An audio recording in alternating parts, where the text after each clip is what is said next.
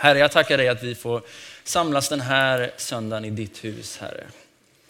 Jag tackar dig att du vill möta med var och en av oss, Herre. Jag ber att du ska tala till oss, Jesus, på olika sätt, Herre, genom sång och musik, Herre, och genom det som predikas också, Herre. Jesus, tack att vi får lägga det som sägs och det som hörs, Herre, i dina trygga händer, Herre. Vi ber, Herre, om din välsignelse över den här gudstjänsten, Herre, och den här predikan, Herre. Amen. Idag hade jag tänkt att säga två saker. Jag ska säga någonting om den kristna bekännelsen. Vad är det? Vad har det egentligen för plats? Och sen så tänkte jag säga någonting om trädgårdsarbete. Och så ska jag se om jag kan få ihop det här eh, mot slutet. Först någonting om den kristna bekännelsen och sen någonting om trädgårdsarbete. Varför ska man egentligen bekänna sina synder? Eh, det är väl ändå en relevant fråga att, att ställa sig och jag tänker att det mest naturliga svaret är ju, ja men det är ju det vi precis sjöng om. Det blir inte alltid rätt. Vi är människor och vi gör fel. Den här kristna praktiken är ganska bortglömd, tänker jag, men den är ganska kopplad till två starka känslor som jag tror att, att du kan känna igen dig i eh, och som vi människor känner lite ja, olika mycket, tänker jag. Det ena det är skuld och det andra känslan det är skam. De här två känslorna är väldigt, väldigt viktiga att skilja åt. Skuld, det är jag har gjort fel. Skam, det är jag är fel. Man skulle kunna säga att skuld har alltid en handling, en felaktig handling. Men när den där skuldkänslan på något sätt sätter sig och rotar sig i kroppen och systemet, då kan det leda till skam. En av de här känslorna är en ren lögn, men den andra känslan tror jag också kan få vara sann i olika tider. Det som är en lögn, det är skammen. Om du kom hit den här söndagen och tänkte, jag är fel, jag är en dålig människa, jag räcker inte till. Så tänker jag, det är en lögn. För Bibeln säger att du är ett Guds barn. Du är älskad. Du är behövd. Du är inte värdelös. Men så har vi den här skuldkänslan som jag tänker, den ska vi inte bara slänga ut. Utan det finns ibland något väldigt gott med det.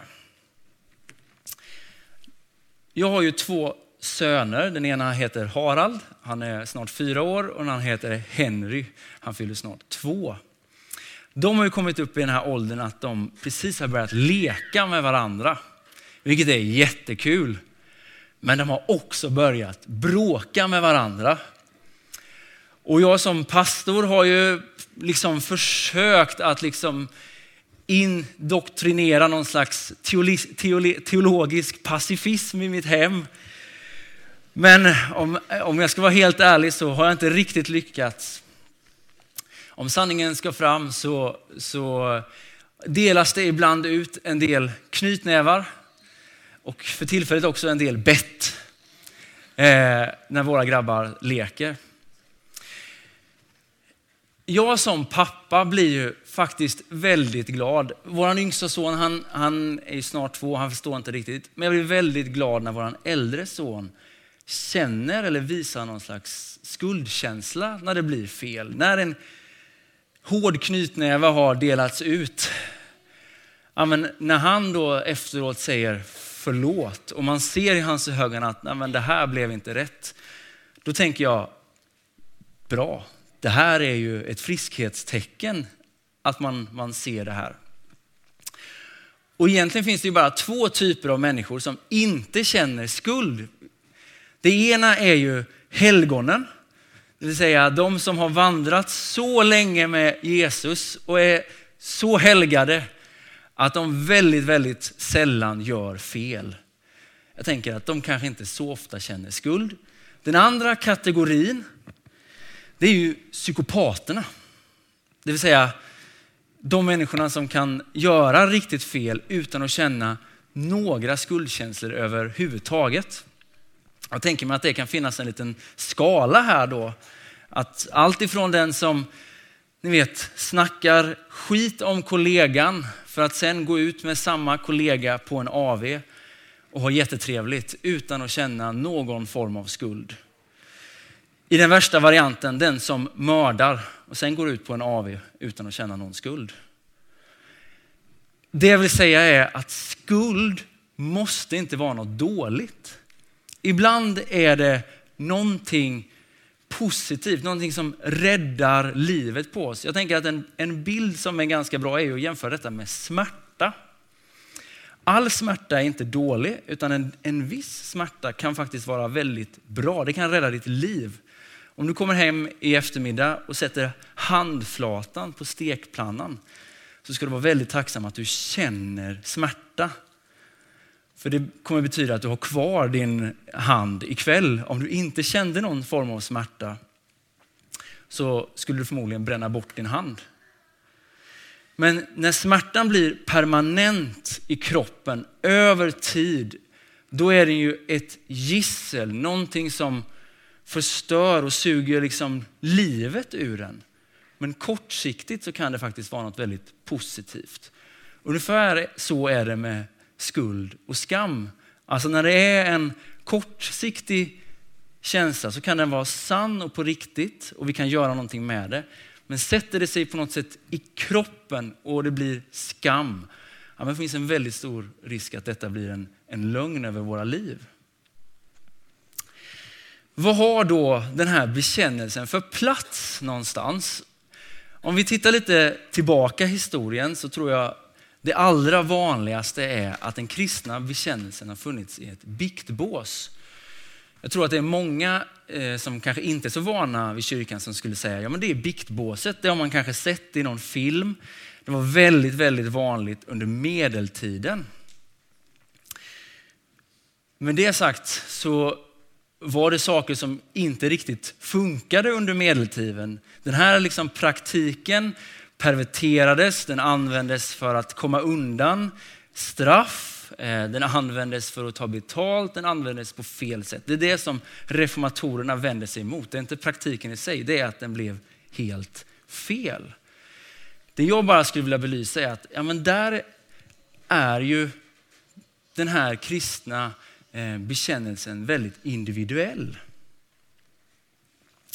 Tittar man tillbaka lite i vår historia, om man går tillbaka 50 år ungefär, då hade vi ju någonting i vår tradition som kallades för, jag har inte det rätta namnet kanske, men, men praktiken gick ut på att man skulle bekänna sina synder för hela församlingen. Man skulle stå upp på antingen ett församlingsmöte eller gå upp här en söndag förmiddag och bekänna när det hade blivit riktigt tokigt eller fel. Där blev liksom den här bekännelsen helt publik för alla människor. Det tror jag inte heller är sådär jättebra. Och det där vill jag bara säga om du är första gången i en pingkyrka, det där praktiserar inte vi längre. Vi gör inte det. Vi har insett att det skapade väldigt mycket sår. Vad har vi den då idag? Ja, men vi har ju den precis innan nattvarden och idag ska vi fira nattvard. Så där har vi en, en liten kort stund där vi, ja, man helt enkelt får göra upp med Gud, Eh, man får bekänna sina synder i tysthet. Vi har i, återigen kan man säga gjort detta till något lite individuellt. Alltså det är någonting som sker bara för mig själv eh, och inte med någon annan. Nu ska vi läsa ett bibelord ifrån Jakobsbrevet. Ska ni se vad han säger om detta här. Jakobsbrevet kapitel 5 och vers 16. Där står det så här. Bekänn därför era synder för varandra och be för varandra att ni skall bli botade. Jesu bror Jakob placerar den här praktiken i en gemenskap. Jag tänker mig att det faktiskt sker i en mindre gemenskap med andra människor. Det är där den på något sätt blir som mest kraftfull. Och jag, jag skulle vilja att du tar med dig, om du tar med dig någon bild, ta med dig just den här bilden, nämligen bilden av ett AA-möte. För där tycker jag att det här med bekännelse kanske fungerar som allra, allra bäst. AA är ju anonyma alkoholister.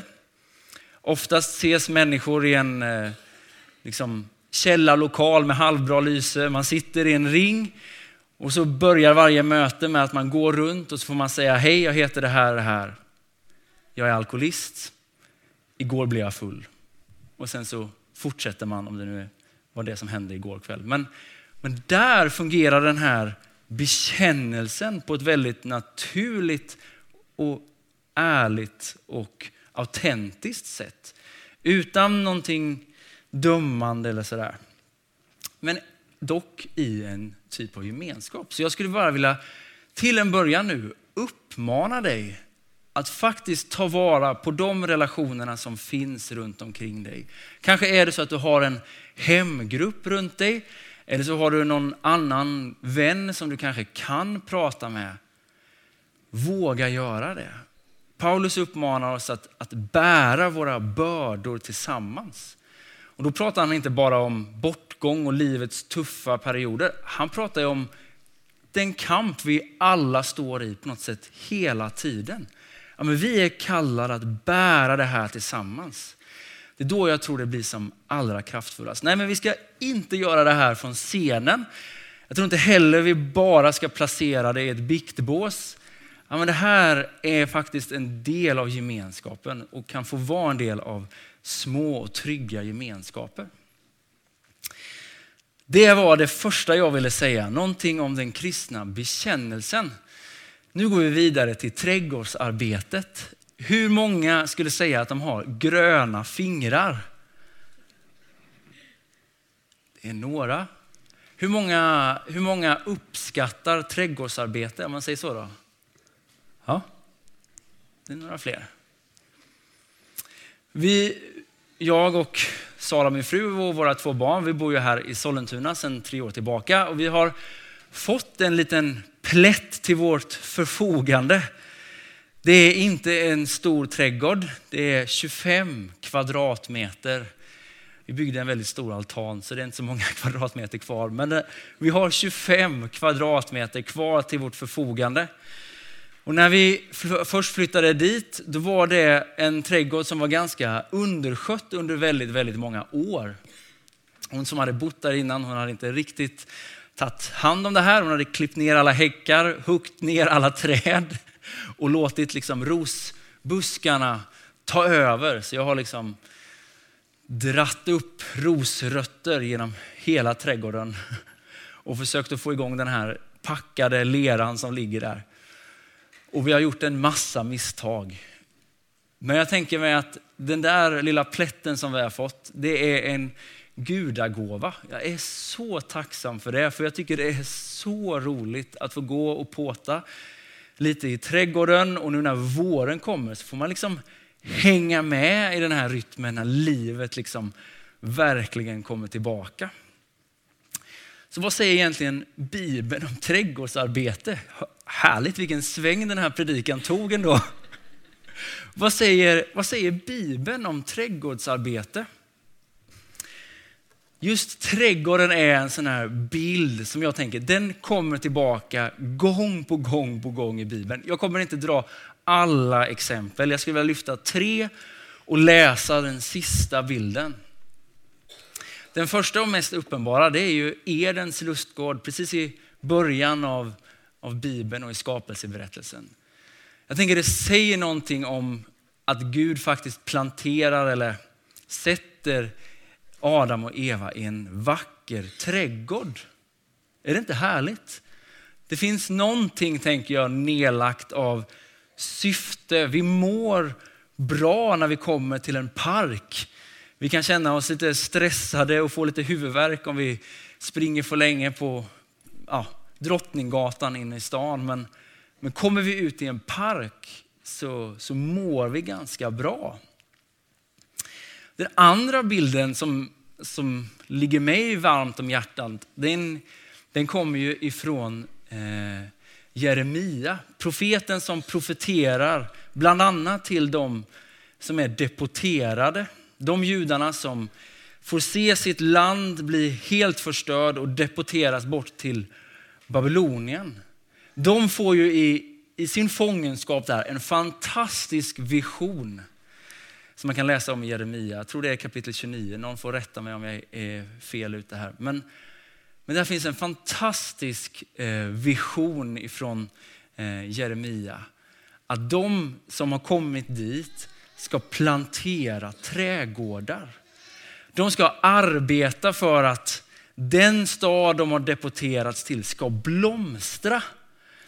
Där blir på något sätt trädgården en, en bild av det uppdrag de har på den platsen de är satta.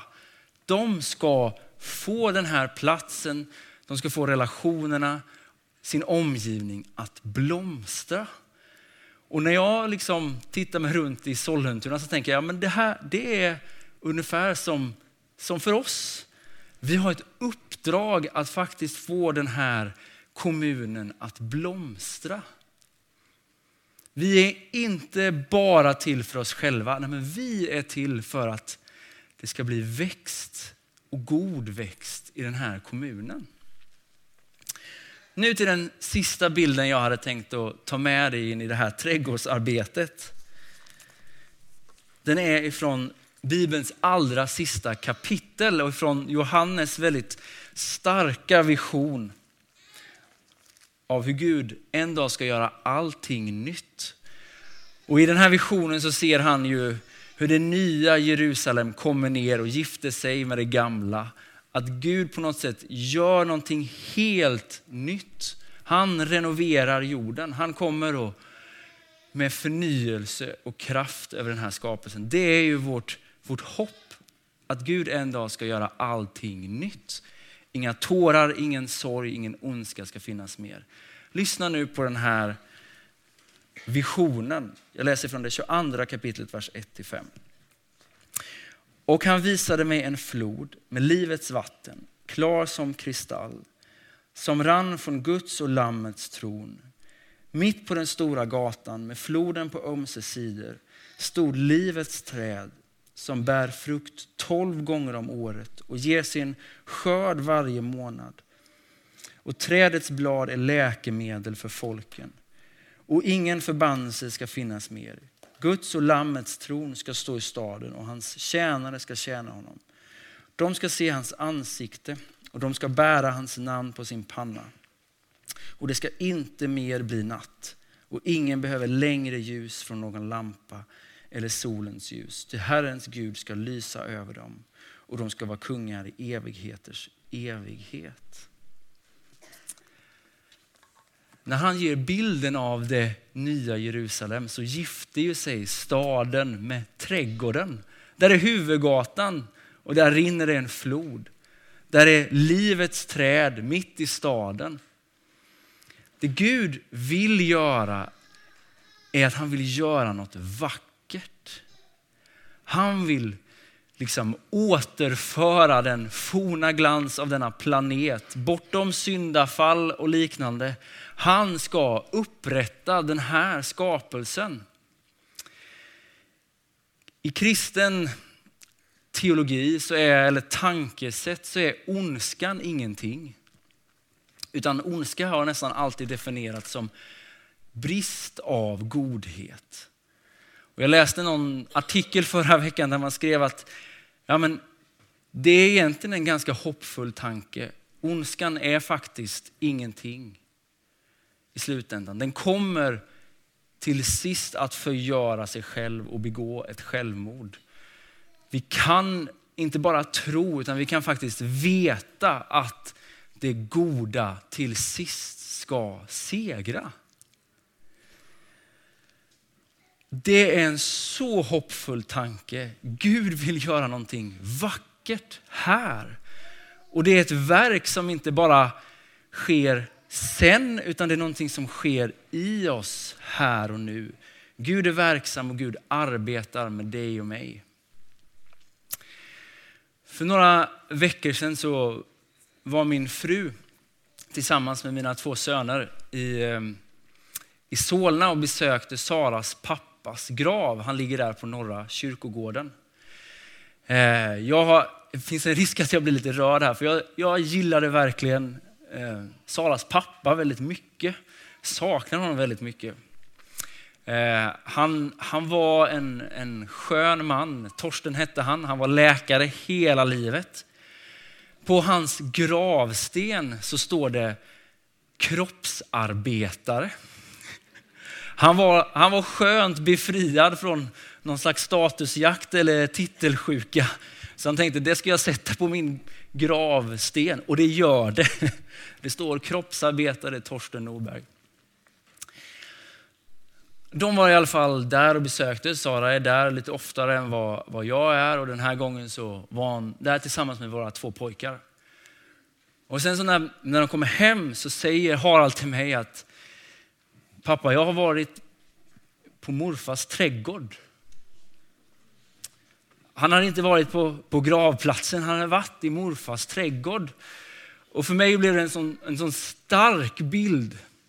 För jag tänker att när Gud till sist en dag har torkat alla våra tårar, vad är det vi tar med oss? Ja, men jag tror inte vi tar med oss lidandet och döden och svårigheten. Utan den dagen kommer du och jag ha barnets ögon. Vi kommer inte se det uppenbara, döden.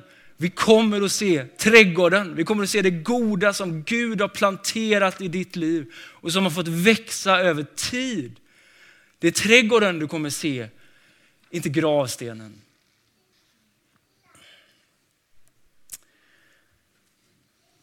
Så vad gör vi med det här? Vad, vad planterar du och jag i våra liv?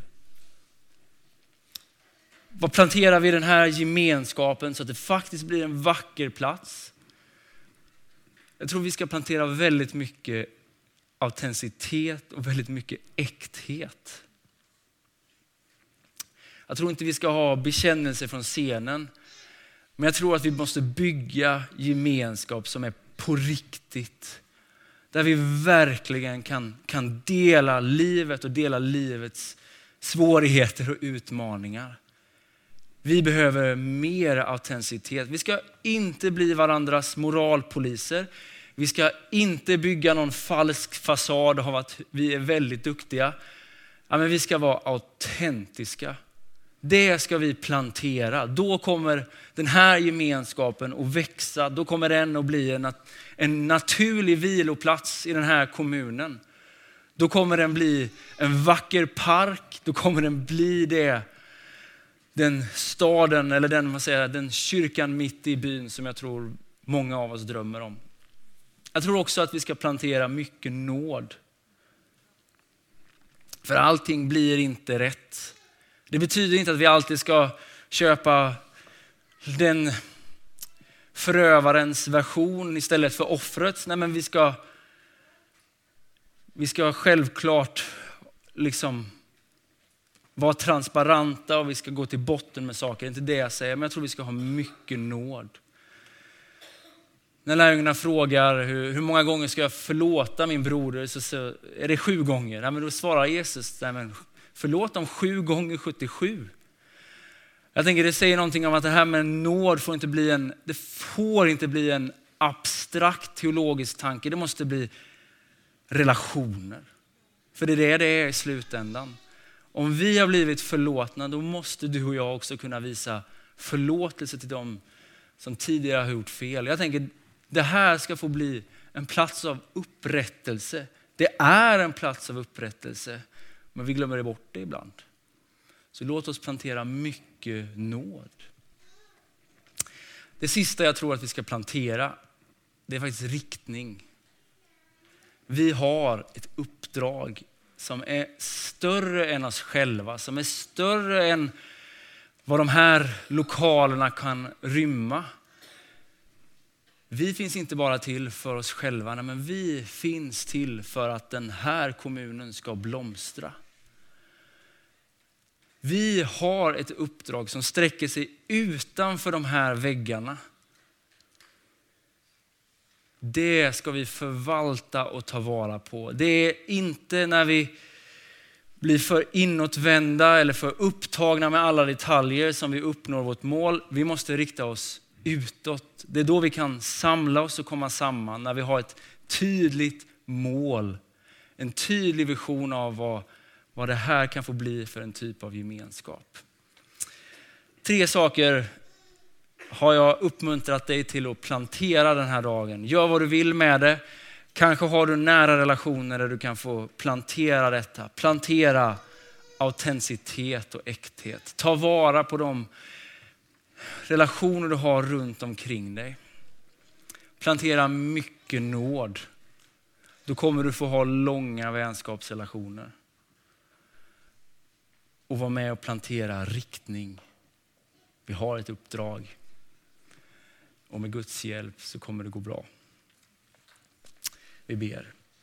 Herre, jag tackar dig att vi får komma till dig den här stunden nu Jesus. Nu ska vi snart fira nattvard Herre. Vi får i våra hjärtan stanna upp inför dig Herre. Vi får bekänna det som inte har blivit rätt Herre. Det som är fel eller det som blev fel, Herre. Hjälp oss att skilja mellan skuld och skam, Herre. Hjälp oss att förlåta det som har blivit, eller be om förlåtelse för det som har blivit fel, Herre.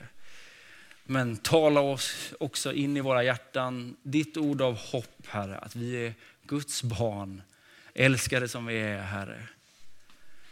Tackar dig, Herre, för att ja, men du vill möta var och en i den här nattvardsstunden, Herre. Hjälp oss Herre att i våra relationer och i vår närhet runt omkring Herre, runt kyrkfika och i hemgrupper Herre, plantera ännu mer autenticitet och äkthet Herre. Jesus, hjälp oss att plantera nåd Herre. Låt våra relationer få präglas av detta Herre. Av din kärlek och din nåd Herre. Tack att du har förlåtit oss Herre. Och vi får också vara med och förlåta andra Herre. Jesus, tack att vi också får vara med och hitta riktning Herre. Rikta oss mot solstrålarna Herre som, en, som de plantor vi är i din trädgård Herre. Låt oss också Herre få, få bygga den här gemenskapen Herre på ditt ord Herre. Låt oss få bygga den Herre i äkthet Herre. Med mycket kärlek och med mycket nåd Herre. Tack Jesus att vi får vara medarbetare i din trädgård, Herre. Du är den store trädgårdsmästaren, Herre. Men vi får också stå där, Herre, med våran spade, våran kratta, Herre, och hugga i och gräva där vi är, Herre. Jag tackar dig Jesus att, att vi får vara med i ditt verk, Herre. Så om du nu skapar en vacker plats, Herre, omkring dig, Jesus, så ber jag också att vi ska få göra det, Herre, i våra liv, Herre. Där vi går fram på arbetsplatser, Herre där vi är Jesus. Låt oss få visa på mycket äkthet, på mycket nåd Herre och vara trogna vårt uppdrag. I Jesu namn. Amen.